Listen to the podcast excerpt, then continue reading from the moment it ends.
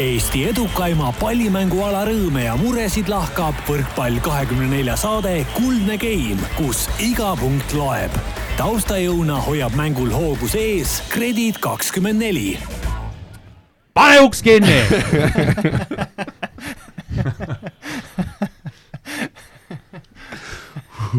sedasi alustamegi seda saadet. ma jätan sisse selle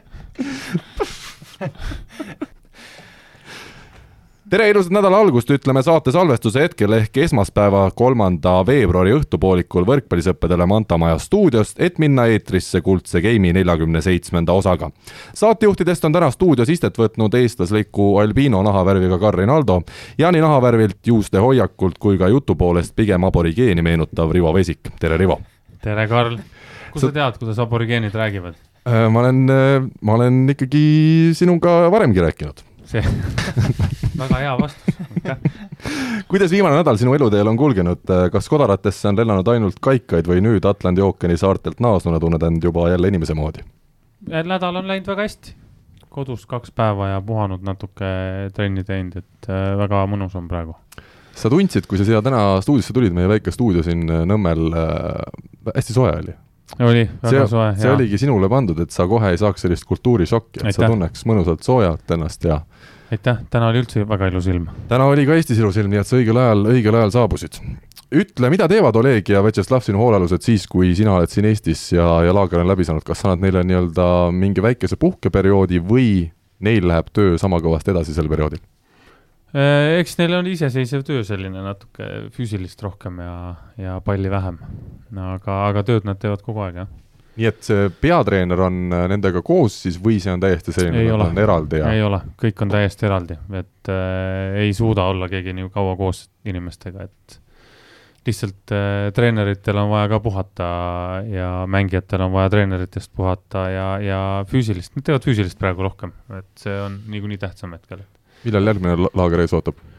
kolmteist äh, veebruar sõidame Sri Lankale ja siis on äh, poistel vorm parem kui praegu lahku minnes või on juba ülekilod, mida tuleb maha ei, ma arvan, et ikka on parem. peaks parem. olema, jaa. praegu läks väga hästi see laager iseenesest, isegi kui oli palju võistkondi, siis, siis äh, tase on juba nii kõrge, et et sai rahulikult kõik asjad läbi võtta, mis vaja oli ja, ja väga positiivselt läks. ja positiivselt läks ka tänase saates sissejuhatus, suuri murekohti meil Rivoga ei tekkinud. ja nüüd on siis aeg tulla tänaste saatekülaliste juurde.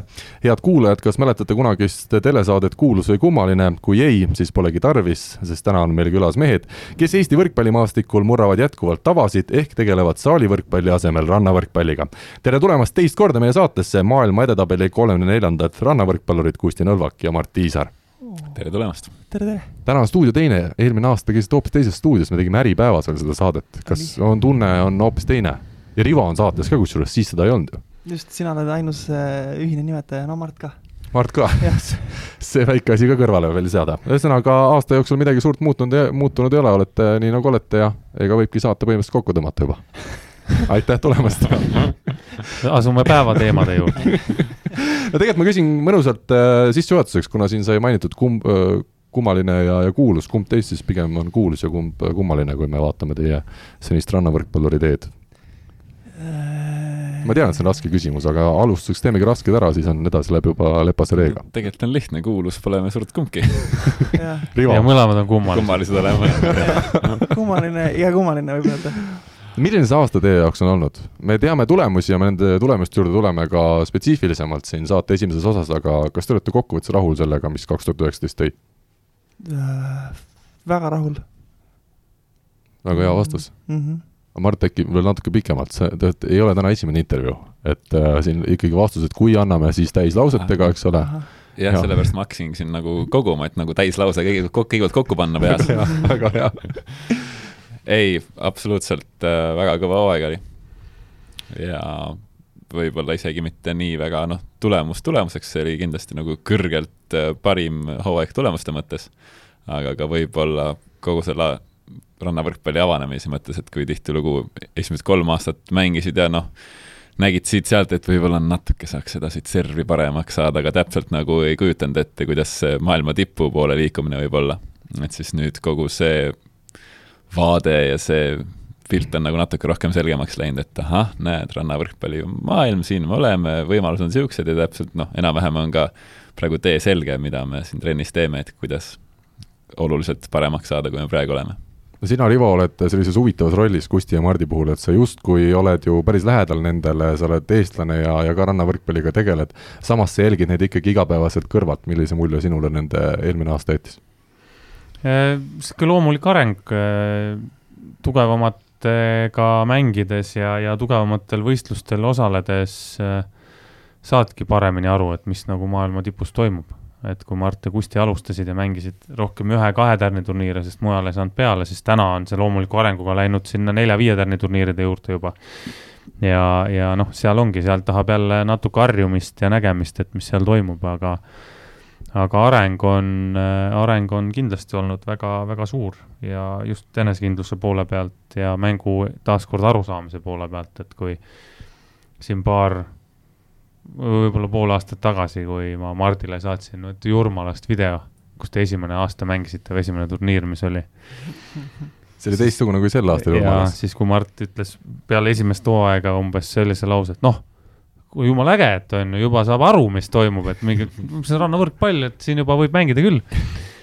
Siis pärast seda, kui ma talle selle video saatsin äh, kuskil Facebooki keskkonnas, Mart ütles, oh juudas küll, mida me siis mõtlesime endast ja mida me tegime seal, et, et vahe on, vahe on ikka väga-väga suur praegu kui me hakkame sellest äh, hooajast pihta, siis äh, oli see hooaja suhteliselt algus, kui Doha MK-etapp juba väga kõrgetasemeline et, etapp oli käes ja te mängisite lätlastega, meile kõigile hästi tuttavate Samoilovsi ja Smedintsiga ja te võitsite neid. kas see oli selline murdemoment ka teie endi jaoks, kui te hakkasitegi nagu aru saama, et, et see tipp on lõpuks jõudmas üpris lähedale? tol hetkel võib-olla tundus tol hetkel tundus jah, see nii, aga kui ma praegu vaat-, tagasi vaatan, siis võib-olla nii murranguline see seal ei olnudki, et äh, noh, et ega mingi ühe mängu või ühe turniiriga seda niisugust murrangut nüüd otseselt võib-olla ongi natuke, natuke palju nagu loota leida. et jah, niisugune väike samm jälle, said aru, et ahah, näe, heal päeval võin võita neid ja põhiturniirile saada ja niisugune kogu aeg nagu väiksed sammud lähemale, et ma ei ütleks, et isegi nüüd selle viimaste turniiridega, kui me ka lõpuks sinna jõuame, ma kujutan ette. et, et ei ütleks, et nüüd on järsku, järsku kuskilt äh, jõhkral, jõhker murrang tehtud, et ikkagi isegi kui tulemused vahepeal hüppavad nagu suurtemate sammudega, siis nii tagasi vaadates tundub ikka, et noh, jälle väike samm ja jälle väike samm ja kui suvel tuli kätte Jurmala MK-etapp, mida juba Rivo õrnalt puudutas, siis seal see finaali pääs ja seal ka mängimine selline, sellise telekaamerate ees, ehk siis väga paljude Eesti võrkpallisõppedeni jõudis ka see finaalmäng ja osad olid veel ju Jurmalas kohapealgi. Mhm. kas see oli nüüd ikkagi senise karjääri kõige erilisem äh, turniir ja kõige erilisemad hetked? oli küll, minu jaoks oli küll, et see oli äh, just sellise äh, jah, selle nagu mängimise kogemuse mõttes oli ta kõige lahedam. kõige sellisem, äh, no just, et oli nii palju häid inimesi oli kohapeal, eestlasi just siis, kes, kes toetasid ja, ja oli nagu kuulda äh, väljakule ka neid mida te seal Jurmalas hästi tegite, mis seal õnnestus paremini kui ütleme varasematel turniiridel? kas juhtus lihtsalt nii, ütleme kolme tärni etapid ei ole ka need kõige tugevamad või äh, oli see ikkagi, ise ka tundsite enne turniiri, et nüüd võib tulla midagi? Enne turniiri ähm, mina küll ei tundnud, ei tundnud, et võiks sealt midagi tulla. et meil oli vist päev äh, või kaks päeva enne turniiri algust, mängisime veel äh, Argo Araku ja Indrek Võrro vastu, ei, Rein, Reinu vastu, jah. Rein ja, ja Akse olid enne mm. -hmm. jah. Rein Tiisar ja Argo Arak, jah? ja Argo Arak, jah. mängisime nende vastu ühe game'i vist ja saime tappa täiega et, äh, et siis sellise enesekindluse pealt läksime mängima et mul, mul küll ei olnud sellist tunnet, et sealt midagi võib tulla, et hea, kui ma ei tea, alagrupist edasi, edasi saame või et mingi kuidagi äh, natukenegi saaks mängida seal, oleks juba päris hästi. aga Rivo, seda, ma ütlen vahele, Rivo, seda me oleme, mina olen vähemalt palju sportlaste poolt ennegi kuulnud, et see, et sul viimane trenn läheb aia taha, see teinekord annab just kuidagi mingi erilise tõuke või midagi juurde hoopis, et, et see ei ole alati nii, et nüüd ongi asjad halvasti. pidev, pigem ongi nii, et mida halvemini sul enne turniiri läheb, minul oli küll nii, et mida halvemini enne turniiri tundsid, seda rohkem oli keskendumist turniirile, et äh, peas võib-olla kuidagi panid oma asjad paika, et kui oli väga hea enne turniiri, siis läksid ka nagu vähe lõdvemalt peale, et oh, küll tuleb, et vorm on hea ja mõnus olla. aga Martin Kusti kohta, selle Doha turniiri kohta mina ütleks nii, et äh, kõige suurem muutus ja kõige suurem selline nagu vabaks laskmine tuli peale seda, kui nad võitsid kvalifikatsiooni teise mängu, kui nad said kvalifikatsioonist edasi. seal oli näha, sest nad olid päris palju selleks hetkeks jäänud kvalifikatsioonis neljatärni turniiridel nagu kvalifikatsioonis kaotanud mm. -hmm ja seal oli näha, et nagu midagi nüüd läks mööda, on ju, et mingi asi, mida oli pikalt oodatud, tuli hea mäng, tuli, sest ta mängisid kõvade Kanada tüüpide vastu, on ju, väga, väga kõva mm. võistkond. ja oli hea mäng ja, ja tuli nagu väga hea võit ja emotsionaalselt oli, minu jaoks vähemalt oli näha, et nagu midagi nüüd tuli välja. mis, mida oli nagu pikalt oodatud, et äh, sealt läks nagu mäng natuke teistsugusemaks, muutus mida sina, Mart, veel sellest Jurmala turniirist mäletad, sa siin enne tahtsid midagi lisada? ma, siis tulime Doha turniirile tagasi, ma korraks mainin veel sinna ka, et tegelikult äh, see, just see psühholoogiline, see vabaks laskmine, tihtilugu noh, eks me üritame töötada selle kallal, et me suudaksime seda nagu ise esile kutsuda ja mängidagi niimoodi vabalt, noh, eks kõik sportlased tahavad nii, et pinge sind ei murraks, on ju. aga paratamatult iga turniir, ma olen ka tähele pannud seda, et tegelikult sul lähed sinna, sul on mingid ootused, näiteks kolme tärni turniiril sul on see, et kui sa alagrupist edasi ei saa, siis on nagu jama, on ju, või sealt teise ringi. ja et aga kui sa sealt nii-öelda paar mängu selleni eesmärgini oled juba jõudnud, siis tuleb väike niisugune nagu avas laskmine, siis järgmised mängud on jälle oluliselt paremad.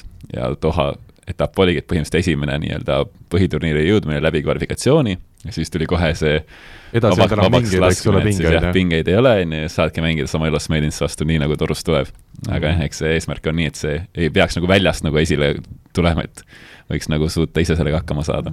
ja siis tuli vastupidine situatsioon, mis äh, rannavõrkpall, nagu me oleme palju öelnud, seda on hästi, hästi psühholoogiline mäng, hästi selline peas, pead hoidma ennast hästi nagu korras, et äh, tuli, teil oli alagrupi võidu nimel mängisite Nikitaga, on ju? ei, Nikita oli juba välja kuku Kuto Saimon. Kuto Saimoniga mängisime alagrupi võidu nimel, Nikita oli juba esimene ring mm. -hmm. aa, okei okay., ja Kuto Saimoni käest said kaks-null, eks ju mm, -hmm. kaotuse. ja see mäng oli näha, et natukene oli peas seda, et võibki võita, et me suudamegi võita. siis hakkas juba teistmoodi. siis hakkas teistmoodi, see hakkas nagu segama juba natukene, et siis läks niisuguseks pingutamiseks ja push imiseks, on ju, ja ja siis oli see Nikita ja Igori vastu mäng, kus oli põhimõtteliselt sama situatsioon, et siis oli nagu võistkond, keda reaalselt võib võita, mhm. on ju -hmm. ja siis oli jälle see tunne, et nagu näha mängust, et nagu liiga palju pingutust on sellist nagu sundimist mm. -hmm. et ei olnud nagu seda vaba mängu, mis oli Samoilov Švedis, Samoilov Švedise vastu oligi niisugune mäng, et emotsioon, emotsioon oli üleval ja noh, nad olid maailma vist teine number sel hetkel või mm? -hmm kaotad, kaotad, seal ei ole mitte mingit vahet. mängisid hästi, võitsid, siis järgmises mängus on ikka see, et noh, kui me neid võitsime, on ju, nüüd neid ei peaks ju nagu üsna niimoodi lihtsalt võtma siin. ja siis oli nagu näha seda, seda, mis on, ongi rannavõrkpallis, see psühholoogia osakaal nagu väga-väga suur, et sa võid olla tehniliselt, seesama Nikita Ljamin on ju, ta on füüsiliselt võimas, tehniliselt hea, aga ta peas laguneb. niimoodi laguneb, et ta noh tal on omad märgid, kus on näha, et Nikita on närvis, siis tal on väga raske mängida. räägi nüüd sina, Rivo, oma karjäärist, kas tulid siis mingid hetked ka, kui, kui suutsid kõikides mängudes nii-öelda võtta vabalt ja mängida ka oma parima või parima lähedase tulemuse välja? tuleb see kogemustega mingil hetkel? jaa, tuleb küll. aga see on jälle sellega, et sa pead harjuma ära nagu nende olukordadega, kus sa nagu, noh, kui sa pidevalt viibid ühes olukorras, siis sa lihtsalt harjud sellega ära. nagu Mart ütles, meie jaoks oli äh, olid kõik turniirid juba mingi hetk sellised, et, et me teadsime, et me alagrupist saame niikuinii edasi ühte või teistpidi. ja noh, umbes üheksandaks me tuleme igal juhul, et seal ei olnud isegi mingit küsimust, et kui kui tõesti läks nagu kõik väga-väga kehvasti, siis me jäime seitsmeteistkümnendaks ja viimaseks me jäime Kristjaniga nagu väga harva mm. -hmm. et üldiselt me olime üheksandad, paremal päeval nelja hulgas, vahepeal kuskil viiendad ka, on ju. aga, aga sa olidki nii harjunud sellega lihtsalt sa teadsid, sa lähed mängima, sa teadsid, et tase on selline, et sa teed omad asjad ära, sinnamaani jõuad ja siis eh, noh, see on, see on jälle järgmine tase, on ju, üheksandast ettepoole jõudsime me vähem, nende mängudega me ei olnud nii väga harjunud ja sealt jälle poolfinaali jõuda, kui sa jõuad äh, noh, viisteist, kakskümmend korda mängid poolfinaalis, siis see poolfinaal sinu jaoks muutub mingi hetk tavaliseks. Sa harjud sellega ära, sa harjud selle survega ära, mis sealt tuleb ja, ja siis sa mängidki täiesti vabalt, sa ei mõtle mitte millegi peale. ja samamoodi noh, ma olen rääkinud seal maailma tippude ja kõigiga siis siis näiteks seesama Phil Talhauser, kes on võitnud kõik, mis vähegi võita on rannavõrkpallis, tema, ta finaali mängib täpselt samamoodi nagu alagrupi mängija, et tal ei ole mingit vahet sest ta on nii palju lihtsalt mänginud ja nii palju nendes olukordades olnud.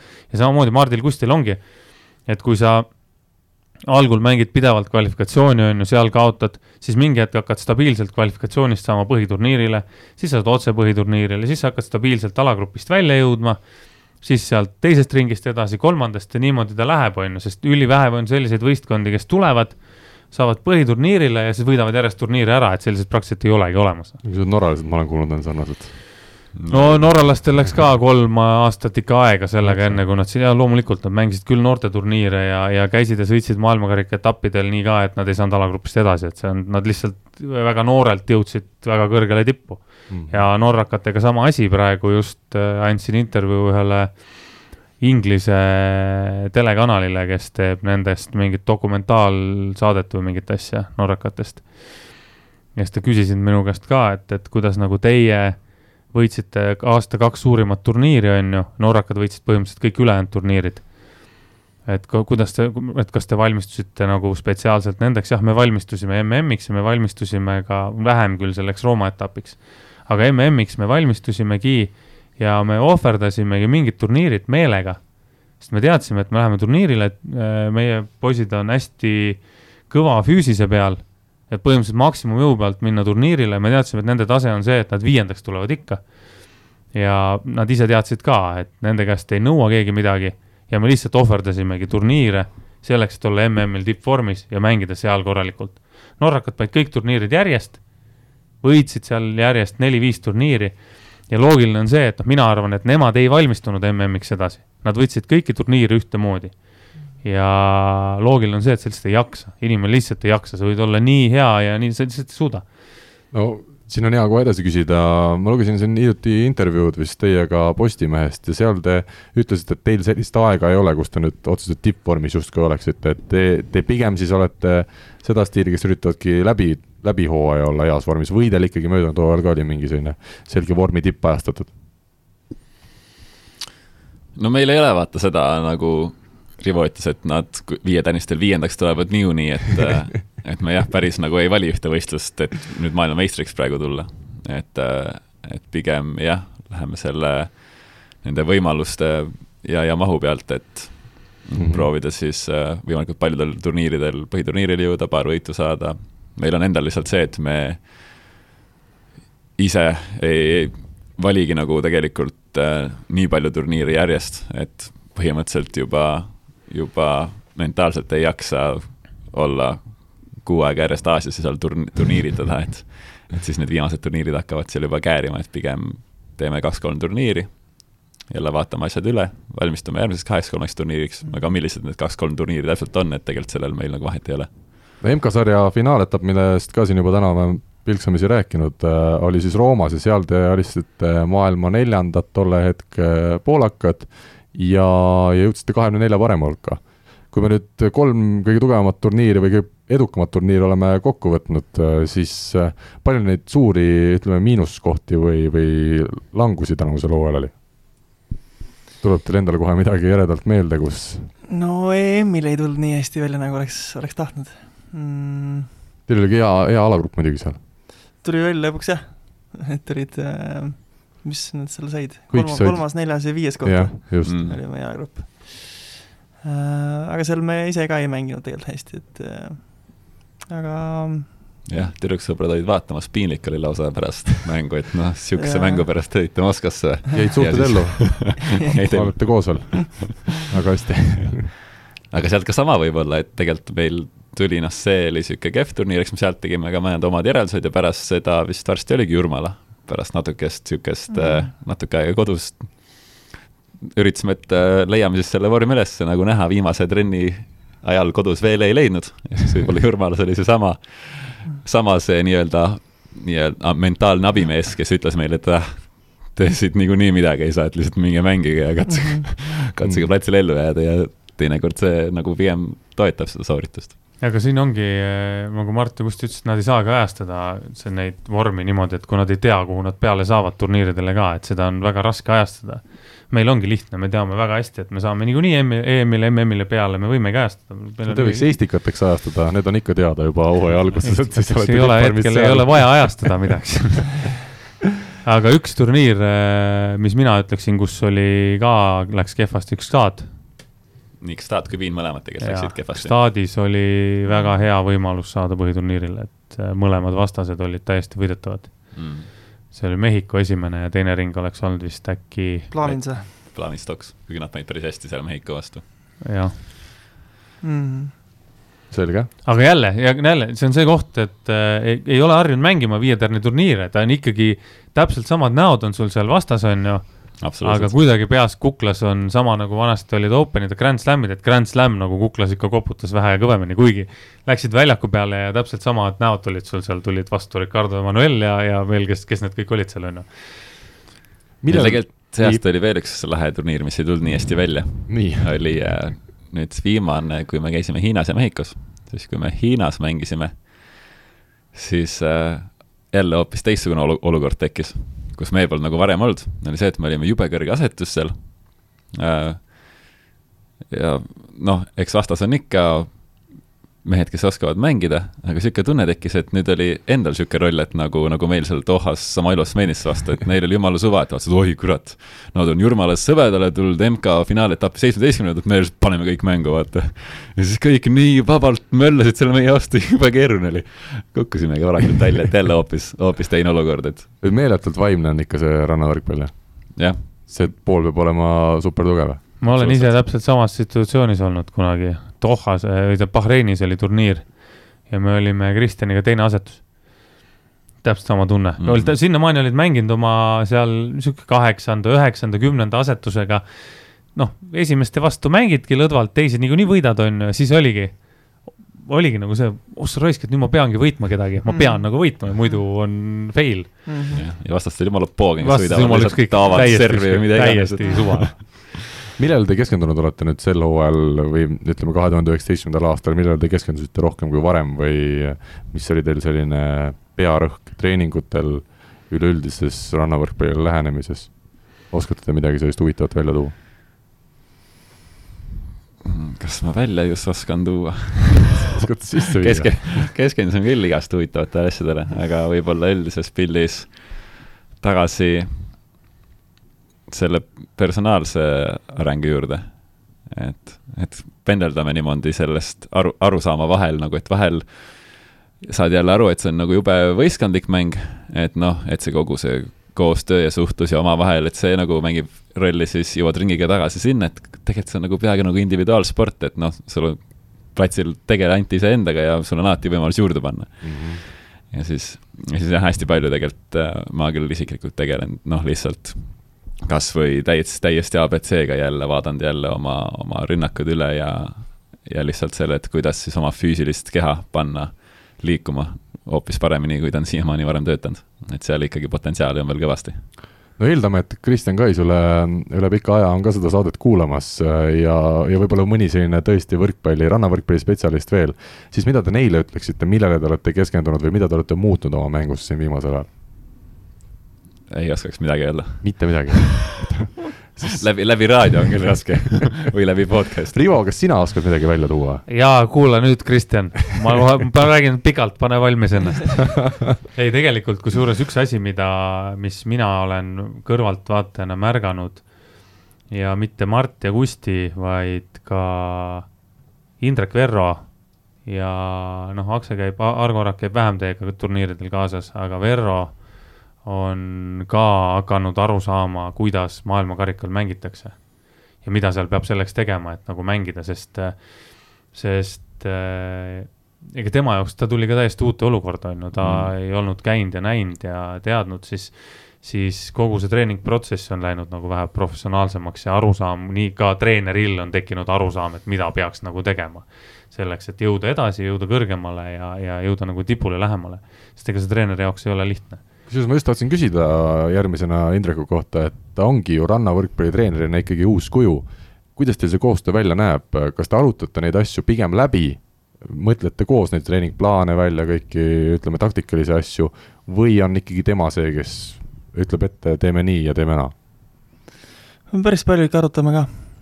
et äh, vaatame nagu äh, tähtede seisu?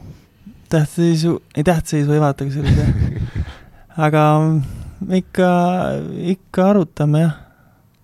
jah, et ta nagu nii palju, nüüd natuke meenutan seda, kuidas meil see käib.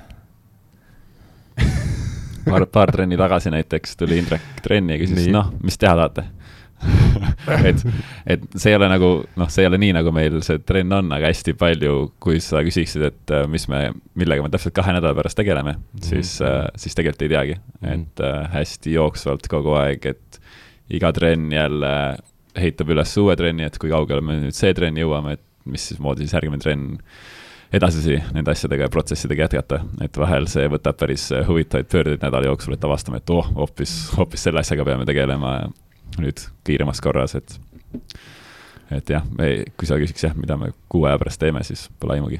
aga jah, mul on suht sama elu, nii et selles suhtes täitsa arusaadav, ainult Rivo teab ette kõike, tal on vist järgmise aasta detsembrini teada, kus laagris, mis kell peab olema kuskil turniiril hommikusöögilauas. ei ole päris nii.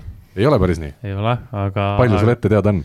Äh, märtsi lõpuni umbes on ette teada, aga noh, meie pool on see, et me nädalas kaks korda räägime asjad läbi võistkondadega, iga võistkonnaga. Ja vaatame videot ja vaatame üle, mis on ja kuidas on muutunud ja kas on muutunud ja trennivideod ja kõik vaatame läbi ja siis äh, otsustame ka nagu fifty-fifty, et meie teeme oma ettepaneku, nemad teevad oma ettepaneku, siis paneme selle nagu trenniprotsessi kokku, et äh, nädalaks umbes ette, et me ka pikemalt väga ette ei tee, et, et osad, osad asjad lähevad kiiremini, osad jäävad aeglasemalt, jääb toppama, et siis muidu, muidu läheks nagu fookus ära, et, äh, et kui minna nagu üritada kogu aeg pikkade sammudega edasi minna, siis osad asjad jäävad unarusse ja, ja siis pärast maksavad ilmselt kätte, et. ma just äh, üks päev ka selles valguses tulin, tulin selle peale, kui ma mõtlesin tagasi saali võrkpalliaja peale, et, et noh, vahel oli seal enamasti nendes võistkondades, kus ma mängisin, oli üks treener seal neljateist mängija peale ja koondise sees siis parematel või parematel võistkondadel kaks treenerit neljateist mehe peale ja ma mõtlesin, et jube, jube keeruline ikka. praegu nagu, kui, kui vahel on meil üks treener kahe peale, siis tekib ju sihuke, et kuule, miks sa seal Kustiga nüüd nii, Kusti peale nii palju tähelepanu paned, et vaata, mis mul toimub, on ju. et aga Rivo, siit ka selle üleskutse jälle tuletan meelde aegu, kui mina, kui sina Selveri võistkonna tegemistega olid hästi kursis, et äkki pakkuge ta välja, et ühel saalivõistkonnal võiks olla näiteks kaksteist mängijat ja kaksteist treenerit. jah, võiks olla küll, aga raha ei ole kellelgi selle jaoks kahjuks. saali võrkpall ikkagi nii palju erinev mäng, et seal noh, mingid asjad on, mida, mida treener ei, ei kontrolligi, et mis, mis peaks olema nagu võrkpalli alg abc-st juba paika pandud ja, ja noh, ma ei tea, näiteks Eestis mina ei ole näinud ühtegi treenerit, kellega mina olen trenni teinud, kes näiteks parandaks minu kui esimese tempo mängija näiteks pealeminekut, ainuke asi, mis ütleb, hüppa kaugemalt, on ju, et sa oled palli alt läbi aga näiteks käe liikumist või jalgadega esimese sammu mingit tegemist, ma ei ole kordagi, mitte keegi pole seda teinud. ja käe, noh, ma ei tea, servil käe liikumist on ju, mida meie praegu ühe mängijaga, me muudamegi tema mängutehnikat, sellepärast et, et tal on kordades parem serv kui ta teeb oma käe liikumise teistmoodi mm. -hmm. Ja saali võrkpallis eh, nendele väikestele detailidele, vähemalt Eestis, mina ei ole küll näinud, et keegi tähelepanu pööraks. ja, ja tahes-tahtmata on see, et noh, Mart on ju ükskõik mis võistkonnast oli siin Eestis või Soomes, ta oli põhimees kõik teadsid, et Mardil on okei okay,, teda ei ole vaja seal õpetada väga, mhm. on ju. on kehvemaid. jah, on kehvemaid ja siis tahes-tahtmata läheb see fookus läheb nende kehvemate mängijate peale sest neid tuleb aidata järgi mm -hmm. ja tugevamad mängijad on, on, neil on okei okay. ja nii ongi. Aga nüüd, millele ma tahtsin jõuda siit, on see, et ega tippklubidel vist tegelikult tänasel päeval on juba ka vaata, et seal neli-viis treenerit pingi peal, okei okay,, üks on võib-olla füüsilise ettevalmistuse treener, aga aga et seal neid treenereid jagubki, ütleme iga kolmas mängija on sisuliselt äh, treeneriga mehitatud. ütleme kolme no, mängija peale üks treener. nii ta peaks olema, et, et see peaks olema selline, minu peas ta võiks olla selline nagu sektsioonidesse jagamine natukene, et sul on, siin on sidemängijad, on ju, ja nurgaründajad on ühe treeneriga peatreener paneb kogu selle kompoti lõpuks kokku, keskblokeerijad ja keegi on seal üks treener, kes on rohkem keskendunud, ongi servile keskendunud, on ju, ja, ja siis kolmas inimene, kes aitab seal veel mingisuguste asjadega et.... aga kas nii ei võiks olla, et ongi põhimehed on paaril treeneril, üks mees puhtalt tegeleb varumeestega, et nad ongi seal trennis ka seal varumeeste nurgas ja siis see treener ütleb, davai, nüüd kolmkümmend sekki kõhtu kolmkümmend sekki külge, kolmkümmend selga. see oleks juba ilmselge raiskamine, et, et eh, selle, selle koha pealt ei ole halb mõte, et kui sul on nagu põhikuuik, on ju, kes niikuinii trennis kogu aeg treenib koos, eks ju, siis peatreener ja keegi jälgib neid ja siis on üks mees, kes jälgibki nagu neid varumehi, et need mm. areneksid ja aren-, aitab neid arendada, et on siis areenimeister võiks olla see vend, see niikuinii on saalis. selles suhtes on, on, see on väga hea mõte kusjuures, sest ma tean isegi seda, et kui kui olidki seal varumehed, on ju, tavaline sihuke kuuiku. sega väga tähelepanu ei saanud Ku,? ei saanudki, kuuikutrenn on ju, siis mm. varumehed olid sihuke kohatäide, et nemad pidid siis põhikuuikule või võimalikult palju vastupanu osutuma ja peatreeneri või siis ka teise treeneri enamus ikkagi fookust läks nagu sinnapoole võrku -hmm. et mm üliharva seal kellelegi öeldi, et noh, tee -hmm. nüüd seda või tee nüüd teist, on ju.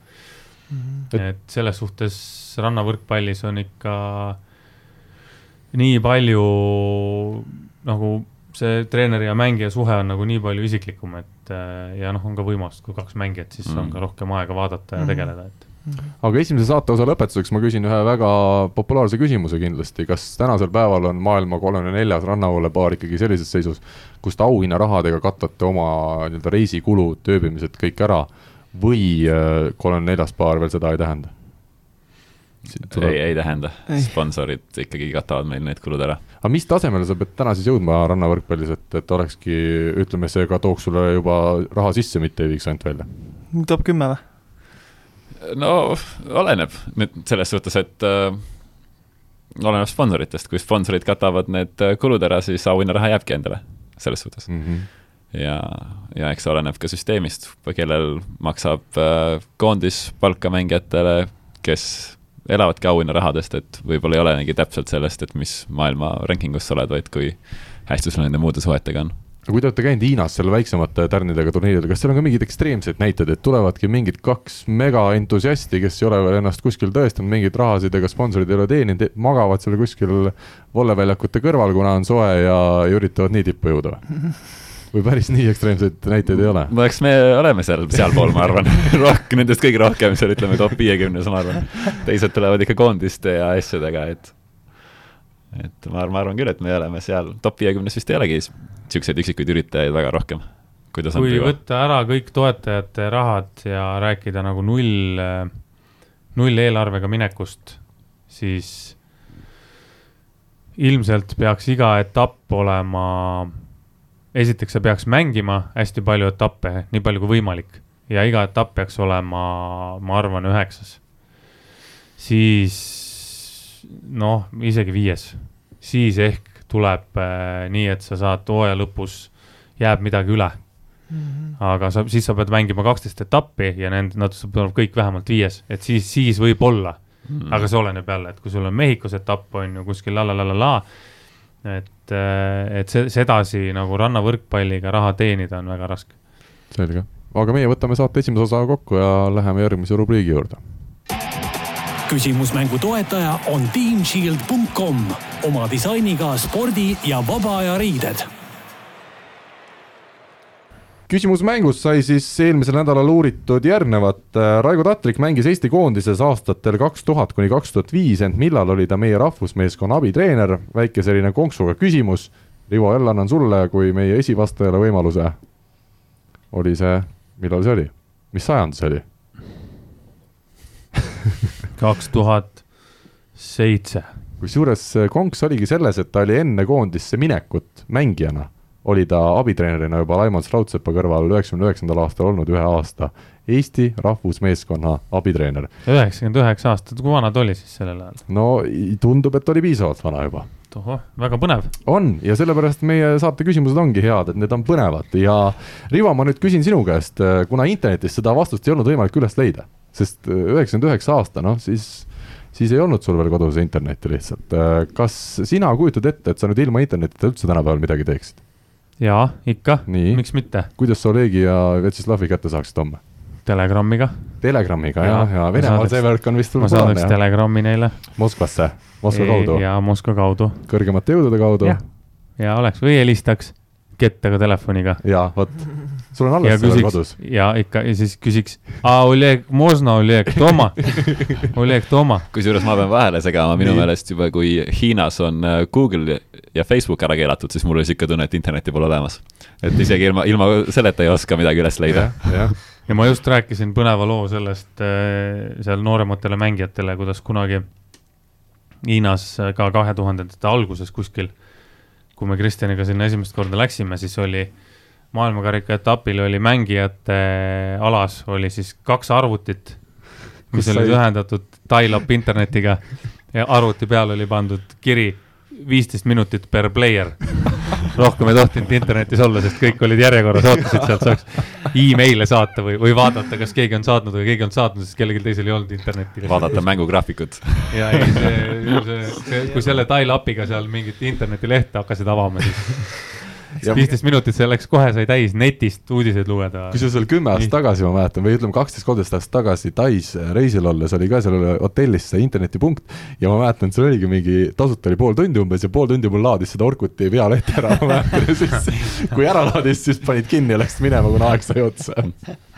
Aga nii nagu meie saade on selline tore kodukootud peresaade, siis oli meil üks õige vastaja, see oli Raigo Tatriku tütar, Lisandra Tatrik ja meil ei ole selle vastu Rivo mitte midagi, sest see on ju tore, kui äh, keegi, keegi teadis ikka vähemalt. jah, kui tütar, tütar teab, millega isa tegeleb. ja, ja tütar pidi olema meie saate suur kuulaja, nii et tervitame teda, soovime talle sportlasteel kindlasti jõudu, aga mitte ainult, ka koolitee on muidugi tähtis särgi, kas ta saab nüüd särgi? ta saab särgi, ta saab särgi, võrkpalli kahekümne nelja legendide särgi, nii et tasub oma isasid saata saatesse, on see meie järeldus sellest. kõik, kes tahavad oma isa saata saatesse, siis kirjutage Karl. just, at võrkpalli kakskümmend neli punkt ee ja ja siis põhjendage ära, miks just me peaksime valima teie isa siia saatesse. või ema. või ema, jah, vanemad, lapsed, kui te tahate vanemaid saata kodust ära kirjutage, mis päeval, mis kellaajal teil vaja on. ja me organiseerime ja ütlen siis nii palju vahelduseks ka, et kuna meil kõik äh, kuulajad alati ei ole Võrkpalli kahekümne nelja portaali kõikide uudistega kursis, siis selleks, et see auhind kätte saada, tuleb minna alati Võrkpalli kahekümne nelja portaali, leida menüüst äh, Vaaria ja võrkpallisaade ja otsida üles siis küsimusmängu puudutav uudis, kus on täpselt kirjas järgmised käigud. aga uue nädala küsimus on meil samuti ette pandud ja küsimus on siis järgmine. mitu tundi veetsid Kusti ja Mart kahe tuhande üheksateistkümnendal aastal laagrite ja võistlusreisidega seoses lennukis ja me räägime siis per inimene, üks inimene nendest, võtke ükskõik kumb, kas Kusti või Mart, nad lendasid täpselt sama palju ja öelge meile, mitu tundi nad siis lennukis olid. ja ma julgen öelda, et see, see on ikkagi mitmekohaline number, ei ole nii, et äh, tund-kaks aastas, et see ikka no, suur osa üle, aastast. üle kümne kindlasti jah, kui sa ütled nii, et mitmekohaline. kas te olete lennukis rohkem kui autos aasta jooksul? Ei usu, ei tea, vot see on juba järgmine, järgmine küsimus, küsimus., järgmine nädal uuesti. jah Kusti ja Mart tulevad kindlasti meile veel külla, nii et see jah, jäägu järgmiseks korraks. aga kõik vastused saab siis saata Võrkpalli kahekümne nelja Facebookile sõnumitesse ja aadressil info, et võrkpalli kakskümmend neli punkt ee. ootame huvitavaid lugusid ja tervitame Aare Albat, meie lemmikvastajat, kes ka eelmisele saate küsimusele saatis väga toreda vastuse, küll tõtt oli seal väga vähe, aga alati ei olegi elus tõde kõige tähtsam, nii et läheme meie edasi järgmise rubriigiga. aeg on välja selgitada nädala tegija. Nädala tegija rubriik on siis järgmine meie rubriikidest ja Marko Mett, neljas koht, siin enne saadet sai need hääled kokku loetud, seitse häält tüüris siis Marko Mett TalTech Tradehouse'i naiskonna Balti liigas esmakordselt põhiturniiri võiduni. ja kolmas koht, Keit Pupart tõi Saaremaa võrkpalliklubile Läti hetke esiklubi Ekapilsi vastu võidumängus kakskümmend kaks punkti pluss kaheksateist, temale kakskümmend üks häält ja no Keit hakkab paremaks minema see on nagu üks hea vein, et äh, see hooaeg, hooaja lõpp, ma arvan, juba Keit toob nelikümmend punkti keskmiselt. Rivo jah, noh, võistkond, kelle vastu ta tõi need punktid, ei ole nüüd maailma kõige tugevam, aga, aga kindlasti Keit hakkab oma mängu leidma ja Saaremaale on see ainult hea uudis, et selle veinivärgi äh, alati öeldakse, et äh, vaata, ka vein läheb parem, üks ta ükskord läheb halvaks mul on läinud. ongi nii jah ja.? mis sa siis tegid? ei tahagi, ära viskasin jõi ära. ära jõin ikkagi, vägisi. äkki oli lihtsalt halb vein? äkki oli halb vein, aga jah, et see vein, see vein ikkagi tuleb õigel ajal ära kasutada, et mm -hmm. muidu läheb käest ära. realiseerimise aeg. et Keiti tuleb, mis sa siis ütled? Keitil on veel ei, kuus siit... aastat on jäänud. ahah, selge, ja siis läheb pahaks siis, siis tuleb saarlastel ära visata Hiiumaale selge. Loodame, et Keit tänast saadet ei kuula, kuigi ma kardan, et ta ikkagi kuulab. teine koht, Peeter Vahtre, Audentse spordigümnaasium noortekoondis, räägime siis naiste võrkpallist ja sai siis see võistkond nädalavahetusel mitmekuulise pausi järel võidud kirja, alistades põhiturniiri kahes viimases mängus kolm-kaks nii Jelgava kui ka Riia, hetkel Läti paremad klubid. see oli selline tore üllatus Eesti võrkpallimaastikul ja, ja tegelikult ütleme, see Audentes esitus, et nad jäid äh, ainsana siis play-off'ist lõpuks ikkagi välja, väga napilt, aga ikkagi jäid. aga neil on nii palju neid vigastusi, erinevaid mänguklasse on olnud äh, noortes ka, et neil lihtsalt põhikoosseisuga, oma tugevama koosseisuga, nüüd nad siis said üle pika aja taas mängida ja me nägime, et kui nad ikkagi kõik on seal rivis, siis, äh, siis nad võivad mängida naiste patiliiga täitsa parematega võrdselt. See on väga äge ja, ja noored peavadki minema peale uut aastat paremaks, et see -hmm. areng peab olema sinna kevadesse, et äh, näha on, et tööd on tehtud, noh, kurb on muidugi jälle see pool, kui sa ütled, et kõik on vigastatud, sest see koormus on neil ongi nii suur mm. -hmm. kui need tüdrukud mängivad seal B ja A klassi ja panevad kuus mängu nädalavahetusega, noh, see ei ole normaalne, et äh, nagu, nagu eelmine saade ütles ka Raigo, et äh, väga nagu mingit vigastuse ennetuse poolega ei tegeleta väga ilmselt ka mingi taastumise poolega väga ei tegeleta. no seal oleneb ilmselt ka treenerist, oleneb klubist, ma arvan, see no, võib-olla nii üks-ühele ei ja, ole. noh, jah ja,. aga paratamatu aga on see. no see, see, see koormus on nii suur neil ja ma saan aru, et paratamatus on see, et kõik need noortetreenerid tahavad, et nad mängiksid, kuna sealt tuleb, eks ole, edu, saavutused ja, ja pluss veel, eks ole, pearaha ja, ja samas, kui sa oled juba naiste seas, siis ei saa ka mitte ja. mängida, eks ole. kui koormus on nii suur, et see noor lähebki katki ja, ja nagu eelmises saates oli ka teema üleval, et noh, poisid ka näiteks tahavad kohe hakata randa mängima, eks ju.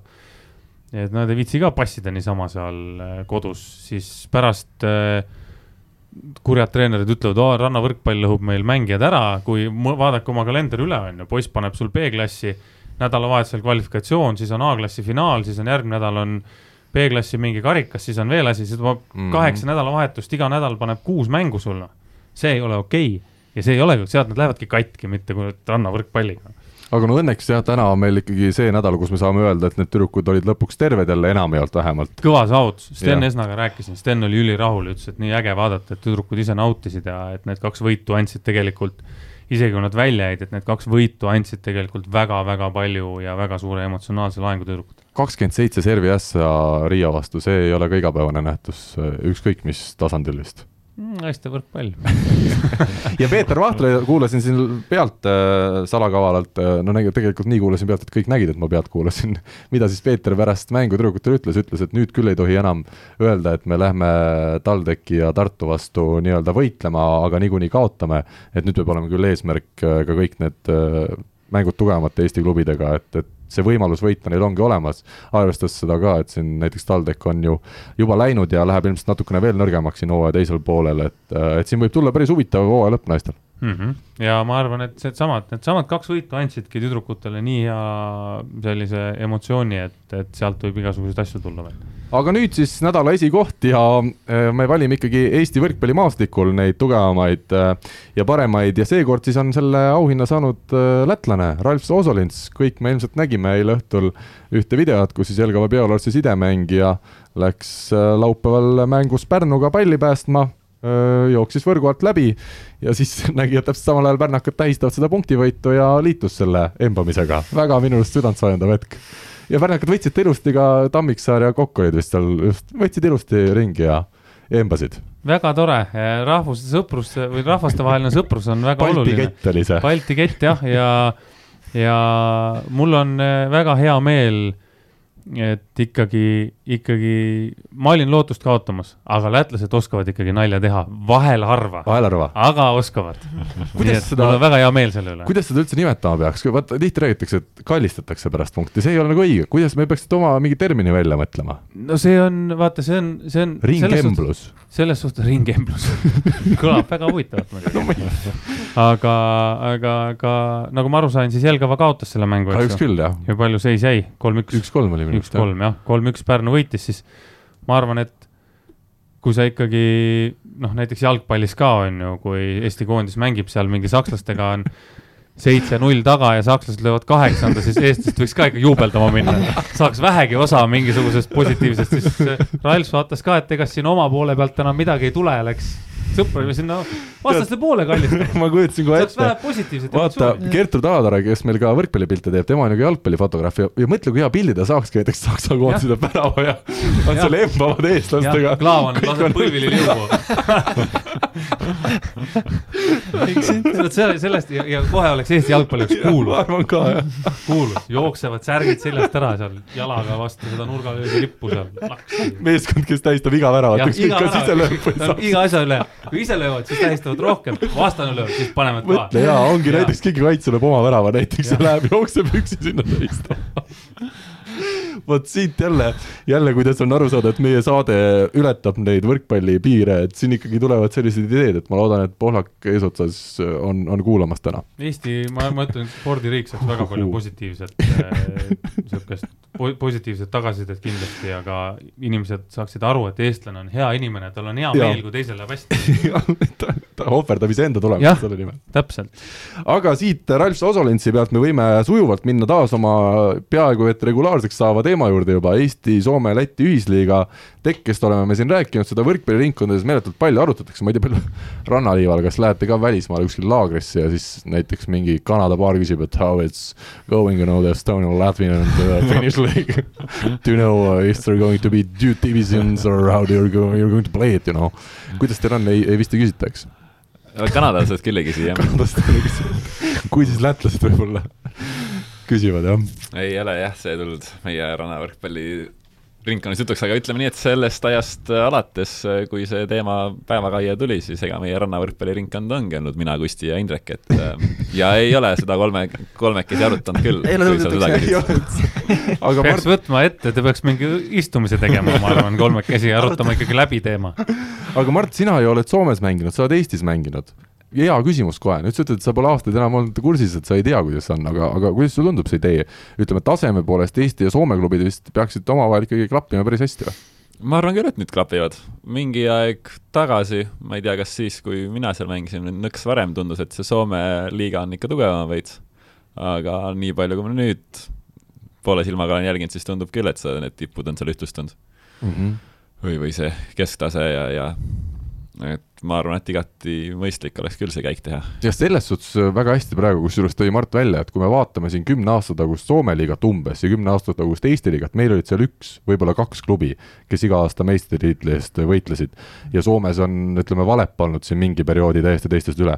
et tänasel päeval meil on neli Soome klubi, kes on täiesti kõik nii komplekteeritud, et võivad kulla eest heidelda. ja noh, Eestis on ka, ütleme, kolm-neli klubi hetkel, kes võivad täpselt samamoodi kulla eest heidelda, et see on ka selles suhtes hea hetk just liigade liitmiseks. No jaa, aga me räägime ju ikkagi Eesti, Läti ja Soome ah, Läti oli ka seal või?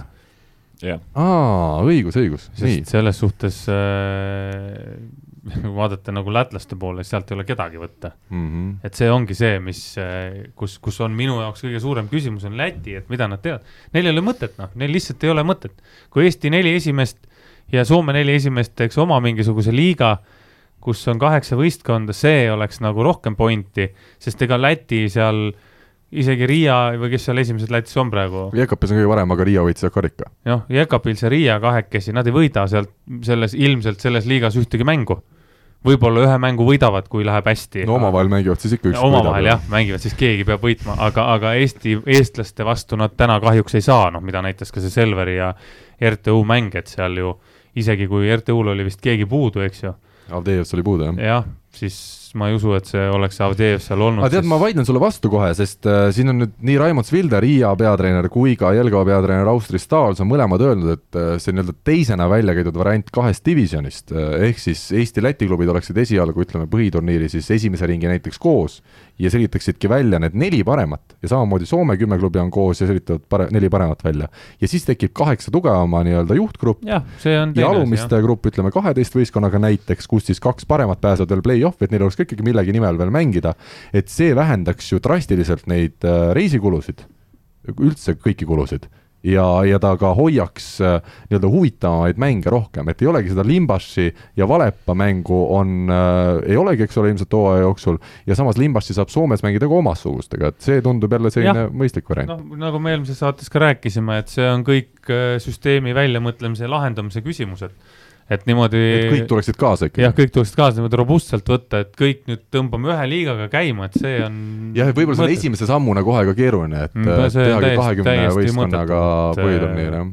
seal, sealt ei tule mitte midagi, ma arvan mm, -hmm. see liiga laguneb aasta-kahega uuesti ära, sest tugevamad näevad, et need, nad saavad liiga vähe mänge Mm. tugevate vastu ja nõrgemad äh, lihtsalt ei, ei taha, ka Soomes ei ole nüüd nii, et äh, seal viimase otsa klubidel on kulda on taskud täis, et nad sõidavad kuhu tahavad ja lendavad kuhu tahavad, et et äh, see tuleb ikkagi korralikult läbi mõelda ja jälle taaskord mõttena on väga hea mõte. jah, ja küll, mis nüüd kinnituse ma ise siin sain ka nädalavahetusel just Vilde ja Stalsiga rääkisid, et nad kõik ikkagi üritavad teha kõik selle endast sõltuva, et seal liigas kaasa lüüa, et see ikkagi see sportlik väljund on niivõrd hea ja teistsugune, et kui rahaliselt vähegi kannatab ja tehagi selline nii-öelda vahepealne variant, et siis nemad oleksid küll nii-öelda tulemas, et, et ei ole päris nii, et lätlastel huvi ei oleks selle asja vastu. kindlasti on huvi, absoluutselt kindlasti on huvi, aga see peabki olema nende jaoks, nende jaoks mõtestatud tegevus ja, ja kasulik tegevus, et muidu, muidu ei ole sellel mitte mingit pointi. ja sellepärast nad ka käivad oma ideed välja ja, ja proovivad anda enda poolt võimalikult palju,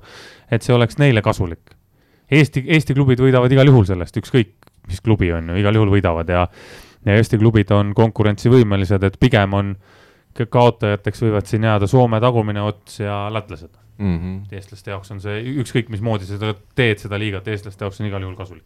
aga nojah, lätlastel on ka see, et neil ei ole praegu ühtegi legionäri üheski võistkonnas minu teada, et et nad peavad ikkagi mingi sammu edasi astuma ja Riia siin ka Vildega eesotsas ütles, et Riia meeskonnal on plaanis järgmiseks aastaks natukene jälle tummisem võistkond panna kokku, et just seal ühisliigas oleks konkurentsivõimeline ja et ka Lätisse ikkagi tuua selline professionaalne või vähemalt poolprofessionaalne meeskond tagasi, kus pooled mängijad oleksidki profimängijad, praegu isegi Riial ja EKP-l seal on ikkagi kõik mehed, õppijad, töömehed ja, ja võrkpalli tehakse kõige muu kõrvalt? No Lätis kahjuks on see olnud pikalt niimoodi saalivõrkpallis, kus, kus ülivähe on välismängijaid.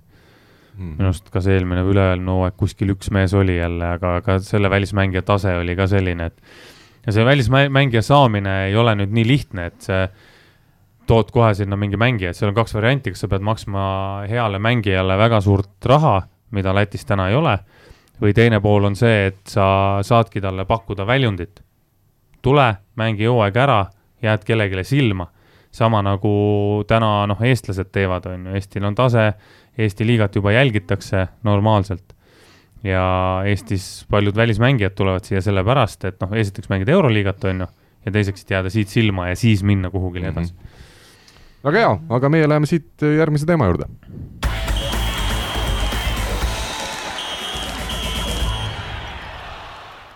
ja täna on meil kavas ka äkk-küsimuste voor, see minu personaalne lemmikvoor ja kuna meil on täna kaks saatekülalist, siis on iga küsimus algab sõnaga kumb. ehk siis küsime teie endi kohta ja ega ma ei hakkagi küsima, kas te olete valmis või ei ole, lihtsalt äh, hakkame pihta. kumb parema meelega intervjuusid jagab? mina. ehk siis Mart, kumb mängude ajal pigem närvi läheb? ma tean, et teist kumbki väga ei taha minna või? ikka Kusti vahel läheb või? hea küll, mina aga ei ole tegelikult jah, tegelikult on suva mida sa närvi minemise all pead silmas? nagu agressiivseks või? ma pean õige nagu... sõnaraamatut võtma, no selles, et sa ütled. kas nagu, nagu pabin küll. või nagu selline agressiivne, et no nagu... sihuke, et pagan, Kustil löö või see Mart löö pall maha näiteks. nii ei ole üldse? ei ole. aga enda peale? ei saa ka pahaseks? ei saa ka jah. publiku peale, kohtuniku peale? Kohtuniku peale vahel. vot, väga hea, aitab, lähme edasi, sobib. kumb game'i lõppudes otsustavaid punkte paremini mängib? ei tea. kumbki see oli hea siia, vastus. siiamaani on vas- vastased paremini mänginud. kumb äh, välismaal võistlusreisidel olles rohkem vastassoo tähelepanu püüab? Kusti, mina, Kusti ütles ise ka seda väga. kumb reisiplaanid moodustab ja lennupiletid ostab? Mart, mina. Kumb võistlusreiside ajal süüa teeb? restoranid, hotellid, üldse ei ole vaja endal teha kokad, no hotellitoas, mis sa teed seal?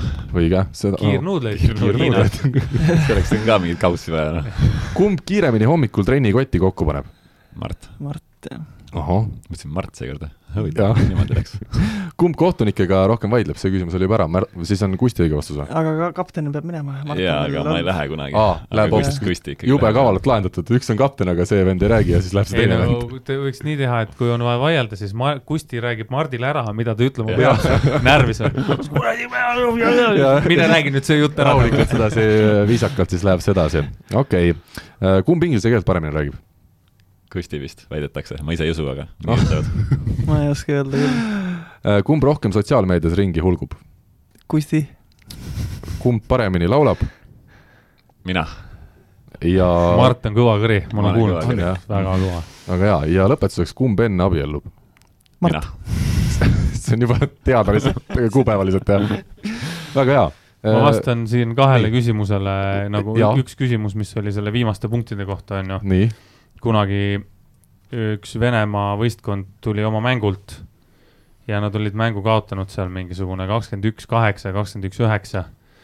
ja, ja teine võistkond mängis nende samade vastaste vastu siis järgmisena ja küsis äh, küsis siis nende käest, et noh, kuule, et kelle peal te servisite, siis venelased vastasid, et me ei servinud, me võtsime vastu. me ei jõudnud sinnani, et, et saaks servida üldse nii kiiresti ja teine, mis äh, küsimus selle inglise keele kohta. kunagi küsiti minu ja Kristjani käest, et äh, kumb teist vene keelt paremini räägib. ja Kristjan andis väga ilusa poliitilise vastuse, ütles, et mina räägin, Rivo teab lihtsalt rohkem sõnu.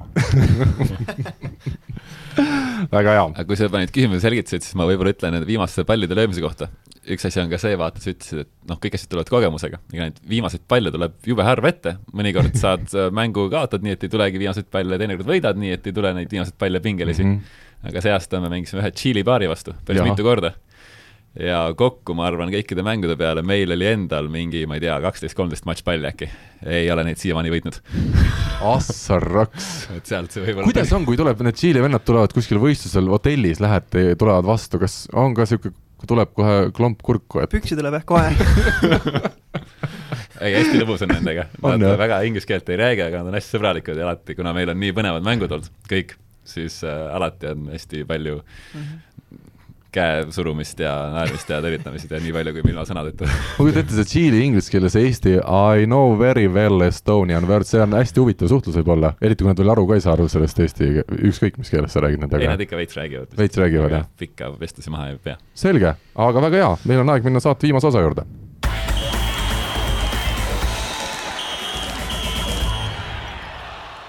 nii, ja uus öö, osa ja uus hooaeg. Mis on teie enda sellised öö, eesmärgid tänavuseks öö, aastaks rannavõrkpallimaailmas, kas on mingi selline edetabeli koht ka, kuhu te loodate jõuda või on see olümpia sel aastal see põhieesmärk või kuidas te ise olete neid eesmärke omale seadnud? Ehm, olümpia ikkagi see aasta. ja te usute, et te saate sinna? see võimalus on nagu selles mõttes sealt kontinentaalkarikasarjast äh, täitsa olemas, et kui võtta nüüd see, et äh, jõuaks sinna finaalringi, siis see finaalringi tase on umbes nagu kolmetärni etapp, et Euroopa top kümme seal osaleda ei saa, kes on juba olümpiale pääsenud ja siis tuleks lihtsalt oma vorm niimoodi ajastada, et enne rääkisime vormikõverast ka, et see suvi peaks küll vormi sinna maisse ja juunisse ajastama, et siis selle nii-öelda tugevuselt kolme tärni etappi siis seal võita ja siis oleks see olümpiakoht nagu täitsa reaalne. või mis sa, Rivo, arvad? jah, jah, väga reaalne isegi, sest, sest poolfinaalidest, isegi kui saavad edasi sealt mingisugused, isegi kui ei peaks otse saama poolfinaalist finaali, siis teie alagrupist kindlasti kaks võistkonda saavad kahe võistkonnaga läbi maailmakarika etapi. ehk siis põhimõtteliselt peaks teie alagrupist saama kõik edasi. kas, kas seal võetakse alagrupi järgi või? Minu arust küll. et ei võeta nii, et kui ütleme, kolm tükki meie grupist saaks, et siis võtavad kõik uuendad kohad, vaid meie alagrupist järgmised. minu arust peaks olema teie alagrupist, ma, ma täpselt seda reeglit ei tea, aga minu arust peaks olema teie alagrupist järgmised või siis maailmakarika edetabeli järgi, kes okay. on välja jäänud. aga seal peaks olema ka väga hea võimalus, et te olete ikkagi üsna kõrgel täna, et Mm. mm. selleks ajaks ka ja, ja noh, ma tean, et äh, meie kindlasti, venelased kindlasti, me oleme ühes alagrupis, on ju, mm. -hmm. Meie kindlasti ei lähe sinna oma tugevamate võistkondadega, sellel ei ole mõtet. ilmselt lähevad sinna neljas-viies võistkond, kes seal veel oli, Läti on ju Läti, Itaalia. Itaalia. Läti, Itaalia, ma ei usu, et kumbki läheb sinna, kui Samoilovs vähegi mingite tulemustega saab peale, on ju, siis ma ei usu, et nad lähevad sinna tugeva võistkonna, tugevate võistkondadega, Plavits kindlasti ei lähe, teda ei saa, Itaalia samamoodi. Nikolai Lupo ei lähe, Karambula ei lähe. Ma arvan, et nad võib-olla isegi ei mängi poolfinaali või siis saadavad sinna mingi teise-kolmanda võistkonna lihtsalt saada kogemust. ja kui nad saavad edasi, siis nad võetakse kohe maha sealt nimekirjast. aga mina nüüd, Rivo, sina Eesti äh, võrkpallidelegaadina, äkki tood ikkagi Olegi ja Vjatšeslavi sinna mängima? kõik muud mängud nad võidavad kaks-null, kaks-null ja siis tulevad Eesti paarid, Lõhmus, Korotkov või äh, Nõlvak ja Tiisar ja saavad null-kaks äh, pähe. Siin on äh, üks asi, et äh, Lõhmus, Korokov ja Tiisar peavad sinnamaani jõudma kõigepealt, et nendega Ahah. mängida, sest kui meie kõik mängud võidame, siis me seal on vist mingi finaalis mängitakse koos on ju midagi sellist. ühesõnaga, ma, ma seda süsteemi nii täpselt peast ei tea, aga kui sa rääkisid Lõhmust, Korotkovist, siis see on väga tähtis osa selle kontinentaalkapi juures, et oleks teine võistkond. kas on või, ma saan aru, et See kui teie võidate, aga kui seal, teie võidate kõik oma mängud, selles suhtes nemad peavad võitma võimalikult palju mänge. see on Mardil Kustil lihtsalt kergem, füüsiliselt kergem.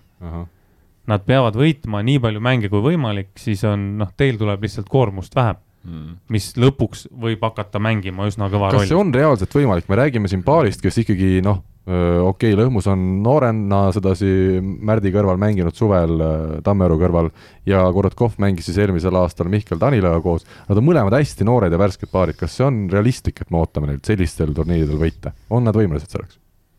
nojah, sellistel turniiridel, see turniir ei ole maailma kõige tugevam, on ju, et et no ma arvan, et või, või siis noh, nende, nende ülesanne on võimalikult palju väsitada vastast. et noh, kui ütleme otse välja, et nii on tegelikult. võimalikult hästi mängida, kui võit, tuleb võit, on super, kui lihtsalt mängivad kaks-üks, on juba väga hea. ongi nii? sest turniir on pikk, mänge on palju ja füüsis hakkab mingi hetk mängima. No öelge oma arvamus siis äh, uuest paarist Lõhmus, Korotkov, millised väljavaated neil on, mis nende tugevused, nõrkused võiksid olla, tema, nemad ikkagi on ka tänu teile paljuski selle rannavõrkpalli juures, poleks teie siin teerajajatena ees olnud, kuigi meil on muidugi ka Kais Vesik kunagi mängisid, aga noh, see oli nii ammusel ajal, see oli, kiviaeg oli, oli vist ka vahepeal ja jäi, et, et see on niisugune uus aeg, kui teie olete tulnud ja, ja nüüd nemad sellise teise lainena on saabunud, et mis te ütlete selle paari kohta? no ma arvan, et äh, ma arvan, et sa võiks Tahe- mikrofonile lähemal Ahah. rääkida näiteks, see on esialgu, mida mina arvan. ind, ind on neil mõlemal nagu üks sihuke hästi suur pluss, et nad on valmis seda teed ette võtma ja, ja tahavad väga nagu mängida, neile see mäng väga meeldib ja tegelikult nad on ka mõlemad tehniliselt väga head, nad on füüsiliselt väga head, et see, et neist kumbki nagu otseselt plokimängija ei ole, võib-olla saab saatuslikuks siis, kui nad tõesti mängivad niisuguste maailma top kümne vastu mm, -hmm. kus Mhm. ongi kõik niisugused kraanad, kes löövad üle, aga kolmetärnistel niisugustel pole absoluutselt vahet, et kui on ikkagi kaks kõva mängumeest, siis võivad rahulikult tulemusi teha. kas Ka. Korotkov äh, ja, ja Lõhmus on potentsiaalikam paar kui eelmisel aastal, ütleme Tanila ja Korotkov? seda ei oska hetkel keegi öelda, selles suhtes, et äh, eks see ole näha, kuidas nad mängivad välismaal ja, ja minu, minu jaoks lihtsalt peab siin täna Dima Korotkov natukene pidurdama ennast ja oma tahtmisi, et ta peab aru saama lõpuks, et see ei tule nii, et, et ma tulen ja nüüd hakkab kohe tulema tulemus, et ta lihtsalt tapab ennast ära sellega, selle mõttega, sest eelmine aasta nagu ka Mardi Kustiga räägitud ja natukene Verroga, et, et üks probleem või üks murekoht oli see, et Dima tahtis liiga palju ja liiga kohe. Seda ma nägin ka Hiinas üks trenn, mis ma vaatasin, siis oli, no ta lihtsalt hävitas ennast ära sellega, et tal ei tulnud siis mingi hetk enam asjad välja. ja, ja, ja nii läks noh, või see üks mäng, mis nad seal mängisid kvalifikatsioonis on ju. Mm. et selle koha pealt peab kindlasti Dima natuke tagasi tõmbama ennast. Timo eelmine aasta näitas, üle-eelmine aasta mängis normaalselt.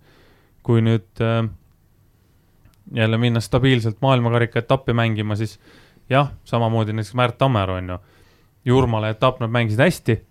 Jurmala etapp oli nende jaoks nagu mingisugune hooaja lõpu boonus. Läksid sinna vabalt mängima, mingit ootust ei olnud. kui nad läheks, mängiksid järgmist, ülejärgmist ja siis hakkaks see minema nende jaoks nagu natuke tööks.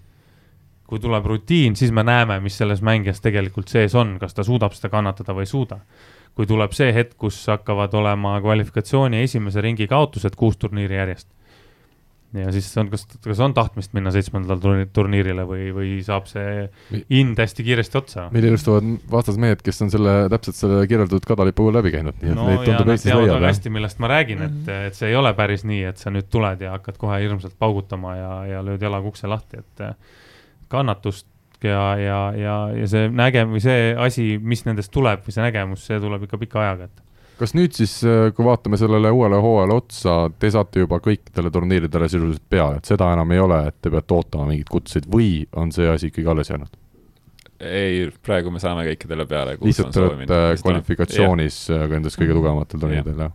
milline on teie siis hooaja esimeste kuude plaan välja näeb, ma saan aru, et te juba, juba siin teisipäeva ehk siis homme lendate ära? jah, homme hommikul. laagrisse? teeme jah, Egiptusesse, oleme laagris seal mingi üheksa päeva. Äh, ja siis kaks nädalat kodus ja siis on turniirid, siis on esimene Dohas ja siis on Austraalia. ja see on praegu, mis teil on teada? Ei, siis on veel teada ikka, tegelikult päris palju.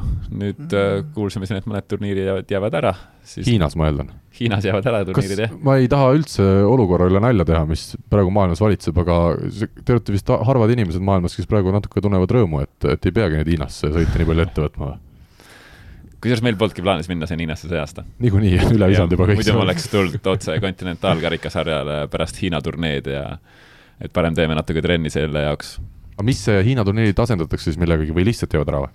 pigem vist ei asendata, ma ei usu. ma, ma arvan millegipärast, et nad tõstetakse sügisesse. ma, ma millegipärast arvan nii, aga ei tea, selles suhtes ametlikku otsust veel ei ole, et nad ära jäetakse, aga kõik liigub sinnapoole, et, et jäetakse ära ja, ja noh tõstetakse sügisesse, siis tõstetakse lihtsalt äh, osa teevad, Mart Kusti panevad kogu oma fookuse Continental Cupile, on ju. osade jaoks on nüüd, kui need kolm etappi ära jäetakse, Singapur ja kaks Hiinat, osade jaoks on see eluliselt selles suhtes tähtis, et nemad, kes tahavad saada läbi olümpia, olümpiale läbi maailma edetabeli, no sama näiteks Ljamin Mõskib, on ju nende jaoks on see kõige halvem uudis, mis üldse saab olla, sest neil ei ole kuskil mängida, need, nad ei saa oma punkte koguda. ja seda näitab ka nüüd äh, Doha, mis on kindlasti täis, tippvõistkond lähevad kõik sinna mängima mm. -hmm mis algul arvatavasti oleks olnud niisugune pooltühi. Äh, Sydney ilmselt kolme tärni turniir, äh, siis Mehhiko, nad kõik lähevad täis, sest nad, inimesed koguvad punkte praegu. aga Lõhmus Korotkov, kas nendel on siis ka läheb keerulisemaks, kui need Hiina etapp ei peaks toimuma? Kus nad mängivad neid madala tärni turniire? ei, nad ka Hiinas, Hiina on juba aprillis, et nad on saalis veel sel ajal mõlemad, aga eks suvel tuleb neil siin ühe-kahe tärniseid kindlasti Euroopas ja, ja Euroopa veel. kalender tuli just välja, seal olid ikka needsamad, mis on Baden ja yeah., ja Liechtenstein ja ega nad vist praegu sinna peale ei saa, need on alati juba täis, aga peavad võib-olla kuskile kaugemale neljatärnistele sõitma, seal on alati kvalifikatsioon, kvalifikatsioonis ruumi. EBSA on ka, EBSA-st alustama ja siis vaatama Pirita rannavalle õhtud on minu arust ka siin Tallinnas, sinna, sinna saab alati tulla. sealt sai maailmakarika punkte? jah, seda küll, jah. ma ükskord võistlesin, ei saanud ühtegi punkti. ei saanud mm? -mm, ei saanud, isegi võidu eest ei, ei saanud. tegelikult Lõhmusele Korotkovile, kui nüüd peaks saama kaks ringi Continental Cupi mängida, siis see juba annab seal sealt nad saavad punkte, jah. et, et see kindlasti aitab neid kõvasti, et ja. suve teises pooles siin mängida. ja Lõhmus kusjuures mängis Pirita seal rannavalle õhtul ka ükskord kaasa. kuidas tal läks? minu arust ta võitis ära vot, siis on algus tehtud, nüüd on, nüüd on järgmine ots on olümpia. Nagu ütles legendaarne Jaanus Nõmsalu kunagi ja. intervjuus, kui küsiti, et eh, mina hakkasin Kristjaniga mängima ja, ja Jaanus Nõmsalu hakkas Kaarel Kaisiga mängima. mis teie eesmärgid on siis, siis Nõmsalu ütles Eesti meistriks ja siis olümpiale. Vahepealset etappi ei toimu. väga hea, ja ei olnudki põhimõtteliselt, aga see viimane etapp jäi ka ära lõpuks jah, jah, selge. ei tulnud ei meistriks ja ei saanud ka olümpiale kahjuks. aga üks teema, mida me võiksime siin kolme rannavõrkpalli inimesega seoses rääkida, kuidas see tänane Eesti rannavoole karikasari võiks muutuda paremaks, huvitavamaks.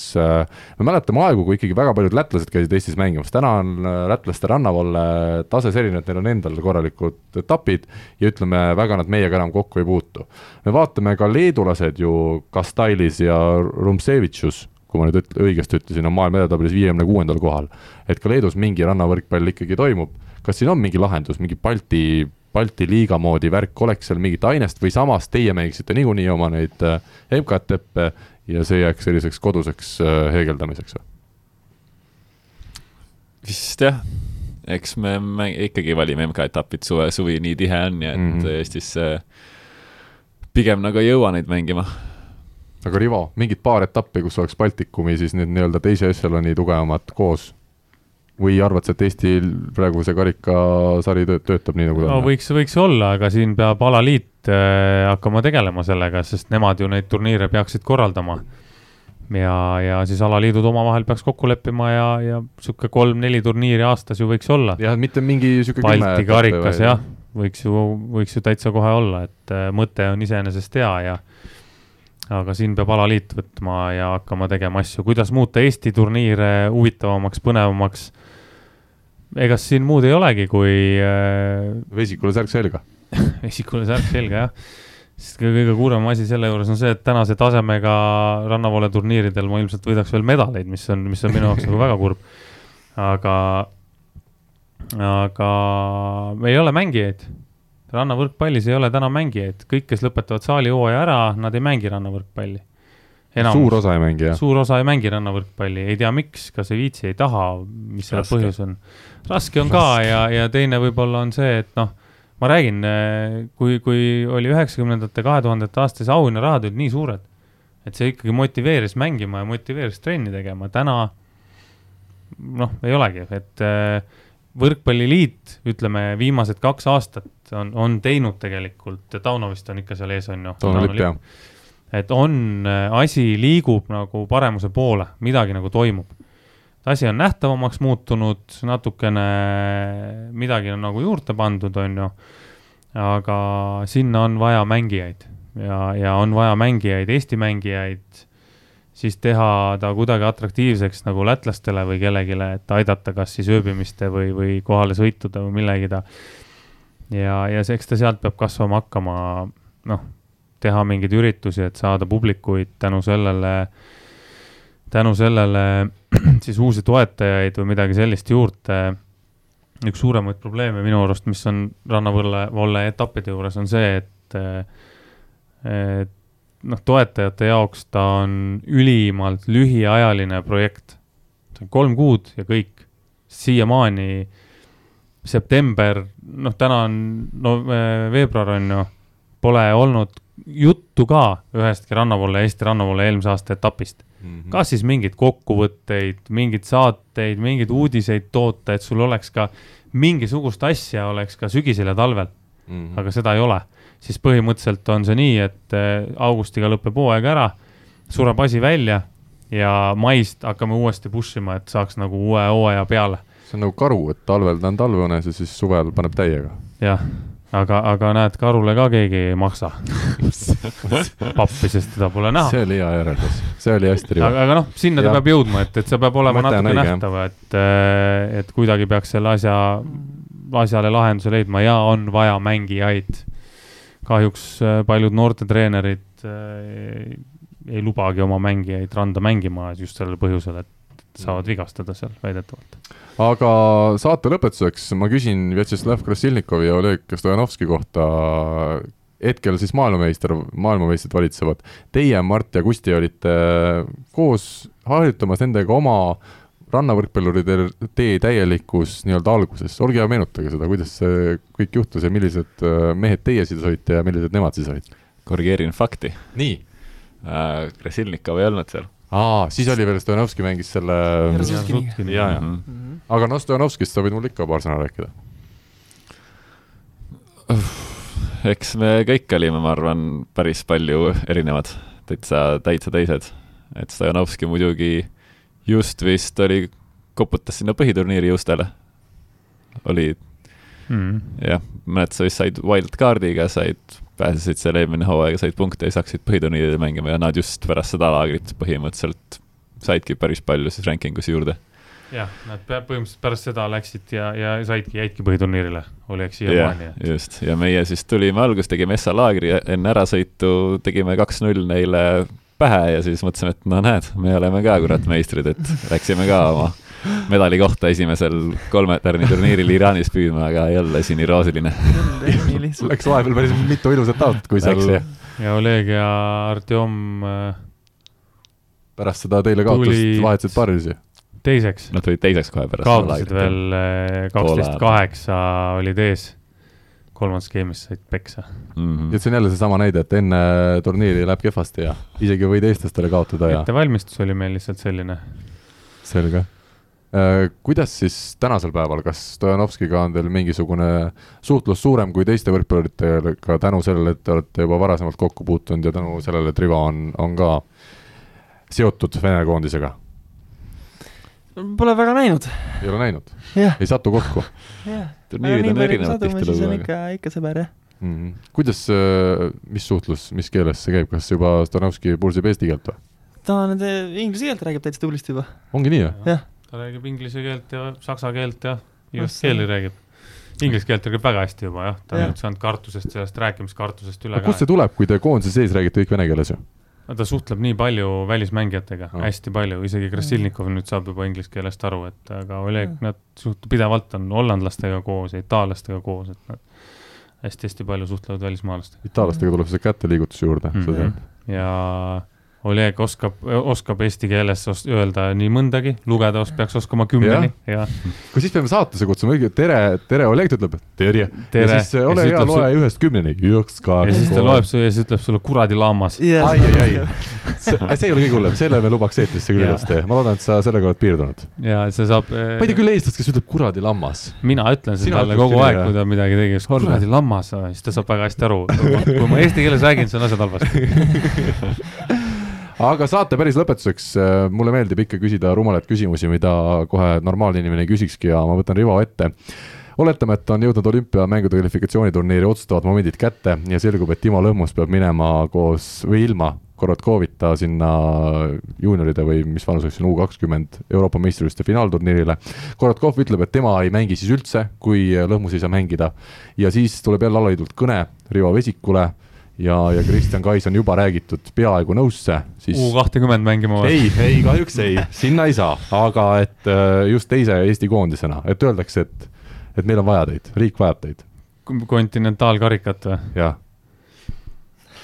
Kristjan on juba poolel teel Tartust Tallinna, aga ta ei ole veel otsustanud, ta pani auto seisma kuskil maanteel, täna, ma ütlen sulle päris ausa vastuse, Karl. Nagu täiesti, täiesti ausa vastuse. nii, tänasel hetkel ma vaataksin pangakontolt järgi, kui väga riik mind vajab ja siis ütleks jaa või, ilma naljata, kusjuures täiesti ilma naljata. ja, ja see vastus oleks kindlasti ei, kui mul oleks vähem kui kolm kuud aega ettevalmistumiseks, kindel ei. seal ei ole pointi. nii et siit siis sõnum äh, Võrkpalliliidule, millal see on, ütleme mai-juuni, noh, eks tulekski, tulekski pärast praegu ma, ma olen praegu nii heas füüsilises vormis, et Ah, nagu palli mängima hakata, siis, siis võib-olla tuleks kiiremini, et ma olen oma kolm, noh, ütleme siin, siin saaks kahe kuuga võib-olla mingi taseme kätte, aga. siis ärge veel helistage, muidu ta on liiga heas vormis kohe siin liiga vara, et meil on vaja alles mai, mai lõpuks, eks ole, väga hea, me oleme Võrkpalliliidul tehke üle, ülekande võite kohe ära teha, selle võib teha igal juhul. siis ma saan korrigeerida seda, siis on aega. igatahes, Martti Kusti, mina soovin teile koos Rivoga palju edu selleks algavaks võrkpallihooajaks, loodetavasti edetabeli kohad paranevad, loodetavasti saate palju ilusaid mälestusi sellelt teekonnalt ja me loodame loomulikult kogu Eesti võrkpallirahvaga koos, et see unistus olümpia, olümpiast saab tõeks. aitäh teile tulemast! Näeme vähemalt hiljemalt aasta pärast ja Rivo, sinuga mul ei ole pääsu, me kohtume nädala pärast. jaa, kahjuks küll, nii on. head päeva jätku kõigile kuulajatele ja kohtumiseni siis tõesti juba järgmisel nädalal. mängige võrkpalli, see kuu on üks päev rohkem. super Eesti kõige põnevamad podcastid on Delfis, kuula tasku.delfi.ee